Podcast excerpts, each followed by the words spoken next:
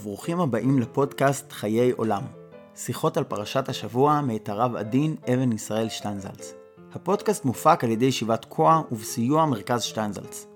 מרכז שטיינזלץ עושים דברים חשובים ומגניבים בתחומי היהדות והחינוך ואתם יותר מוזמנים ללמוד עוד ולהצטרף לפעילות הענפה בלינק המצורף לתיאור הפודקאסט. תודה שאתם איתנו. האזנה נעימה.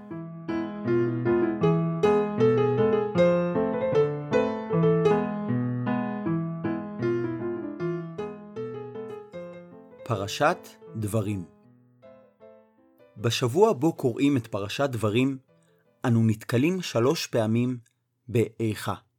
בפרשת השבוע, איכה אשא לבדי. בהפטרה, איכה הייתה לזונה. ובקריאת מגילת איכה בתשעה באב, איכה ישבה בדד.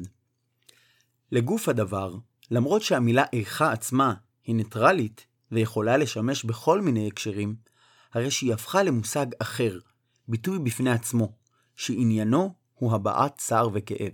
בהקשר של תשעה באב למשל, הביטוי איכה נעשה מוטיב מרכזי, ויש כמה וכמה קינות שכל עיסוקן הוא הרחבת המשמעות של איכה. מבחינה זו, יש קשר פנימי בין האיכה של משה, של ישעיהו ושל ירמיהו. הן מבטאות כולן את אותו צער ואת אותה הקינה. האיכה של משה היא ההתחלה, המפתח של כל העניין. איכה אשא לבדי תרחכם ומסעכם וריבכם. ומן השאלה הראשונית הזאת יש התפתחות פנימית במשך הדורות, שאורכת כמה מאות שנים דרך האיכה של ישעיהו עד לאיכה של ירמיהו. אם אנחנו קושרים בביטוי איכה את כל האבל והבעת הצער, צריך להבין מה גרם למשה רבנו להשתמש במילת המפתח הזאת דווקא כאן. בחטא העגל, למשל, משה לא אומר, איכה עשיתם את העגל, למרות שהיה לו הרבה מה לומר בנידון. חטא העגל היה דבר חמור מאוד, כמו שחז"ל דורשים על הפסוק, וביום פוקדי ופקדתי עליהם חטאם. שאין פורענות באה לעולם, שאין בה משהו מחטא העגל. ולמרות זאת, על אף שהוא נוקט בצעדים קשים כנגד עובדי העגל, משה לא רואה את חטא העגל באותה החומרה. הוא לא רואה אותו כבעיית מפתח.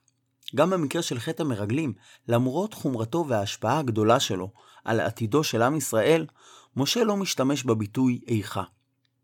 מה בכל זאת מפריע כאן למשה? ברור שלא טרחכם ומסעכם וריבכם במובן המצומצם. חז"ל אומרים שהקדוש ברוך הוא הזהיר את משה ואת אהרון מראש, שלא יהיה להם קל. אמר להם, היו יודעים שסרבנין וטרחנין הם, אלא על מנת שתקבלו עליכם שיהיו מקללים אתכם וסוקלים אתכם באבנים. בגמרא יש מחלוקת, האם הפסוק והביטו אחרי משה עד בואו האוהלה, נדרש לשבח או לגנאי. יש מי שאומר שהם הביטו אחריו כי הם ראו זאת כזכות, לראות את משה רבנו. ויש הסוברים שאנשים הביטו בעין רעה על משה ואמרו, אתה רואה את עורפו? אתה רואה את הרגליים שלו? אתה רואה את האחוריים שלו? מאיפה הוא משמין? הכל מהכסף שלנו. כשמשה היה מאחר, היו אומרים, אה, הוא יושב וחושב עלינו, הוא זומם איזו תוכנית חדשה, איזו גזרה חדשה להציק לנו. כשהוא היה יוצא מוקדם, היו אומרים, משהו לא בסדר אצלו במשפחה. אה, כנראה התקוטט עם אשתו. משה רבנו הוא אדם שכל מעשה שלו, דברים משתנים בעולם שלנו ובעולמות העליונים. השם מדבר איתו פנים בפנים, אור פניו קרן, וכל זאת בלי קשר לכך שאחר כך ישמיצו אותו בפניו ושלא בפניו. בלי קשר לכך שיקנטרו אותו, יעלילו עליו ויתקוטטו איתו. תרחיכם ומסעכם וריבכם, זה חלק מעבודתו של משה רבנו, והוא יודע את זה. ועל אף שמראש הוא לא שש לתפקיד ולא רץ מיוזמתו להיות מנהיג ישראל, הוא סבר וקיבל וידע למה הוא נכנס. היה צדיק אחד שהתאונן בפני חסידיו על כך שבאים ומציקים לו בכל מיני שאלות, עניינים וסיפורים שהוא לא יכול לעמוד בהם. אחד החסידים שהיה חריף מאוד, ענה לו בפני כולם, רבי, תחזיר את הכסף. הוא התכוון לומר במילים אחרות, אם אתה רבי, אתה מקבל את זה לעצמך. אם אתה לא רבי, תחזיר את כל הכסף שנתנו לך במשך השנים. אם אתה מסכים לקחת אחריות, אתה מקבל את ערככם, את מסעכם, וכשיש מריבות, אתה מקבל גם את ריבכם.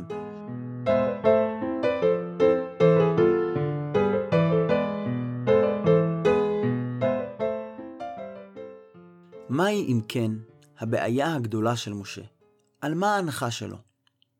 האתנחתא, ההדגשה שבפסוק, היא על המילה השלישית, לבדי, ועליה משה נאנח.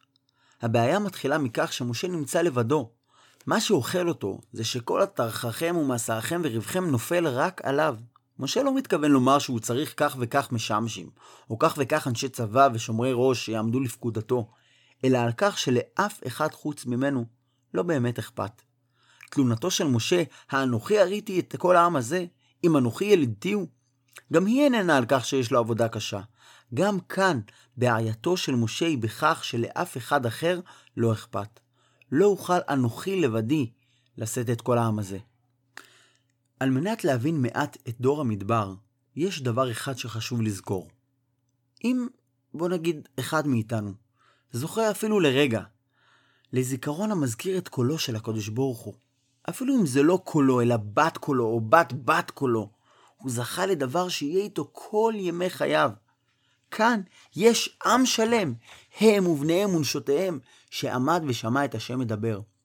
זה דבר שאיננו נמחק ואיננו יוצא מהאנשים הללו. חז"ל אומרים שדור המדבר היה דור דעה, שהיו שם כמה וכמה אנשים שבוודאי היו ראויים להיות נביאים. ובכל זאת, אף אחד חוץ ממשה לא מתעניין בשאלות הגדולות של התנהלות העם. לא היו חסרים בדור ההוא אנשים גדולים, או ראשי אלפי ישראל, אבל כל אחד מהם היה מוכן למלא רק את התפקיד שלו. גם האנשים שעשו אותם לשרי אלפים או שרי מאות, ממלאים את התפקיד משעה שמונה בבוקר עד שלוש אחר הצהריים, מחתימים כרטיס והולכים הביתה. הבעיה של משה רבנו היא לא העובדה שיש בעיות, אלא שלאנשים אחרים אין מעורבות בהם. האנשים מסתובבים, ולא מרגישים את עצמם אחראים למה שקורה לעם שלהם. במובן זה, כאשר אלדד ומידד מתנבאים במחנה, ויהושע עבד משה אומר לו, אדוני משה כלאם, ומשה עונה לו, המקנא אתה לי? ניתן להבין זאת כאמירה של השתאות. האם באמת מקנא אתה לי? הרי עמדו שם כל כך הרבה אנשים מסביב ולא עשו שום דבר. והנה בא יהושע ואומר, אדוני משה כלאם, האם סוף סוף יש מישהו שהעניין נוגע לו? נגיעה זו של יהושע לדברים היא זו שגם מסמנת אותו כמועמד הראוי להנהגת העם אחרי משה רבנו. אמנם נמתחת עליו גם ביקורת, כשמשה יורד מהר סיני, ויהושע אומר למשה כל מלחמה במחנה, משה משיב לו, אין כל ענות גבורה ואין כל ענות חלושה, כל ענות אנוכי שומע. אנו מבינים זאת גם כמעין נזיפה. עומד יהושע, שמיועד להיות מנהיג ישראל, והוא לא יודע איזה מין קול זה, הרי המנהיג בישראל צריך לדעת להבחין האם האנשים בוכים או צועקים, אם הם שמחים או מייללים, אך בכל זאת, כאשר מדובר על המחליף הממשיך של משה, אשר יצא לפניהם ואשר יבוא לפניהם, יהושע הוא הנבחר, הוא האיש אשר רוח בו. מדוע? מפני שאכפת לו, וזה מה שמכריע את הכל. כל אחד ואחד מן האחרים, על מקומו יושב בשלום. הם לא מוכנים לצאת מגדרם לטובת עם ישראל. יתרו מציע למשה לחפש אנשי אמת שונאי בצע, או כפי תיאורו של משה עצמו, אנשים חכמים ונבונים. והגמרא מציינת שחכמים הוא מצא, אבל נבונים לא. מהו ההבדל בין חכם שאפשר למצוא לבין נבון? החכם הוא זה שמבין דבר, והנבון הוא זה שמבין דבר מתוך דבר. לאדם חכם אפשר לתת הוראה, והוא יבצע אותה כראוי, בעוד שהנבון הוא זה שיוצר דברים מעצמו. וסוג כזה של אנשים, משה לא הצליח למצוא. משה רבנו מבכה את העובדה שהוא לא מצא אנשים שייכנסו עמו בעובי הקורה, כמשמעותו הפשוטה של הביטוי. הביטוי להיכנס בעובי הקורה מקורו במטאפורה פשוטה. דרכו של עץ, שבבסיסו הוא רחב, והוא הולך ונעשה צר ככל שהוא מגביה למעלה. יש אנשים שבוחרים ללכת בבסיס ובשורש הדברים, להיות מעורבים במהות, במקום בו הקורה עבה, ואחרים מעדיפים את המקום שבו הקורה דקה. משה בוכה על כך שבסופו של דבר אין אף אחד אחר שייכנס עמו בעובי הקורה. הוא נשאר לבדו.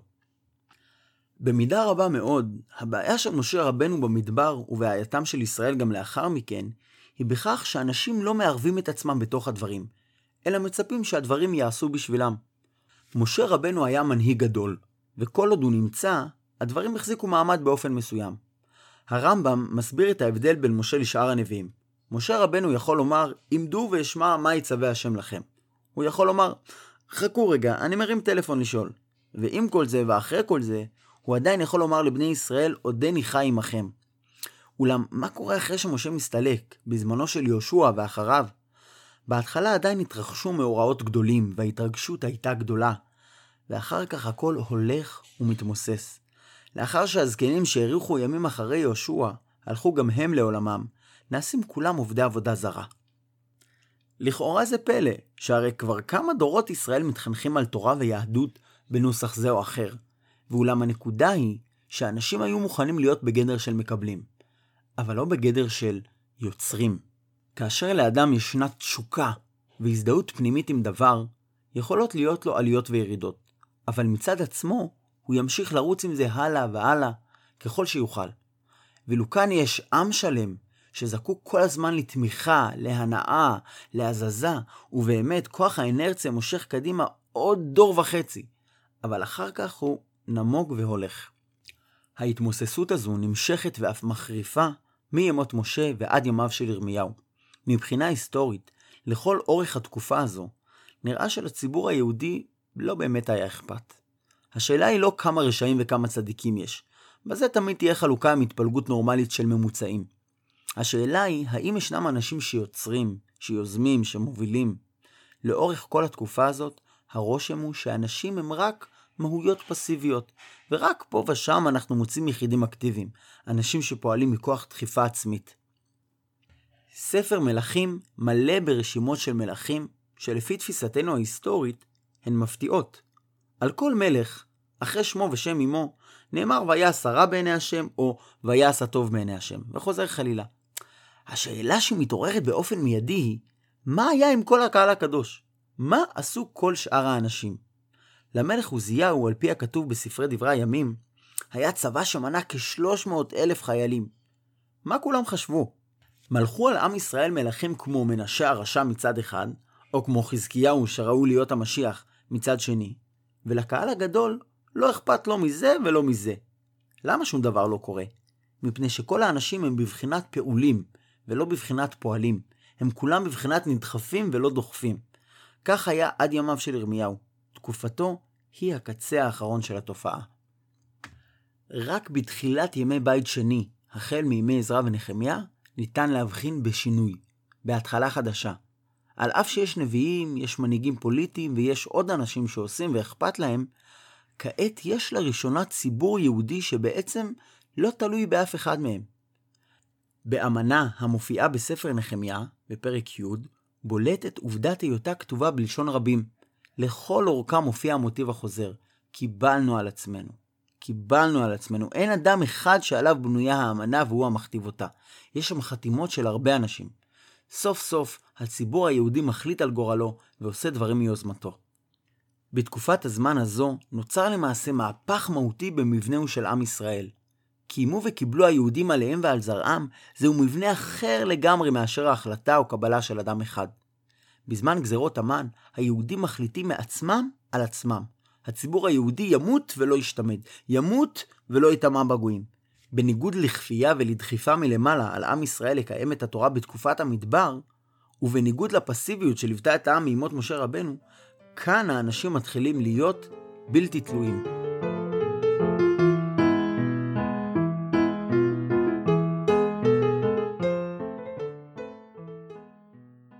דברים אלה מבהירים את הקשר בין איכה אשא לבדי תרחכם ומסעכם ורווחם של משה, שהוא לכאורה עניין קטן יחסית, לבין ההאשמה הקשה של ישעיהו, איכה הייתה לזונה קריה נאמנה. יש יחס אמיתי בין הדברים, משום שהעיר שצדק ילין בה ועתה מרצחים, יכולה להיות כזו בדיוק בגלל האיכה אשא לבדי. מדינה לא יכולה לבנות משטר צדק מלמעלה. לא די במלך ובמשטרה. הם יכולים להעניש ולכפות, אבל לא לאורך זמן. כאשר יש מצב שכולו אוהב שוחד ורודף שלמונים, לא תעזור אף חוקה.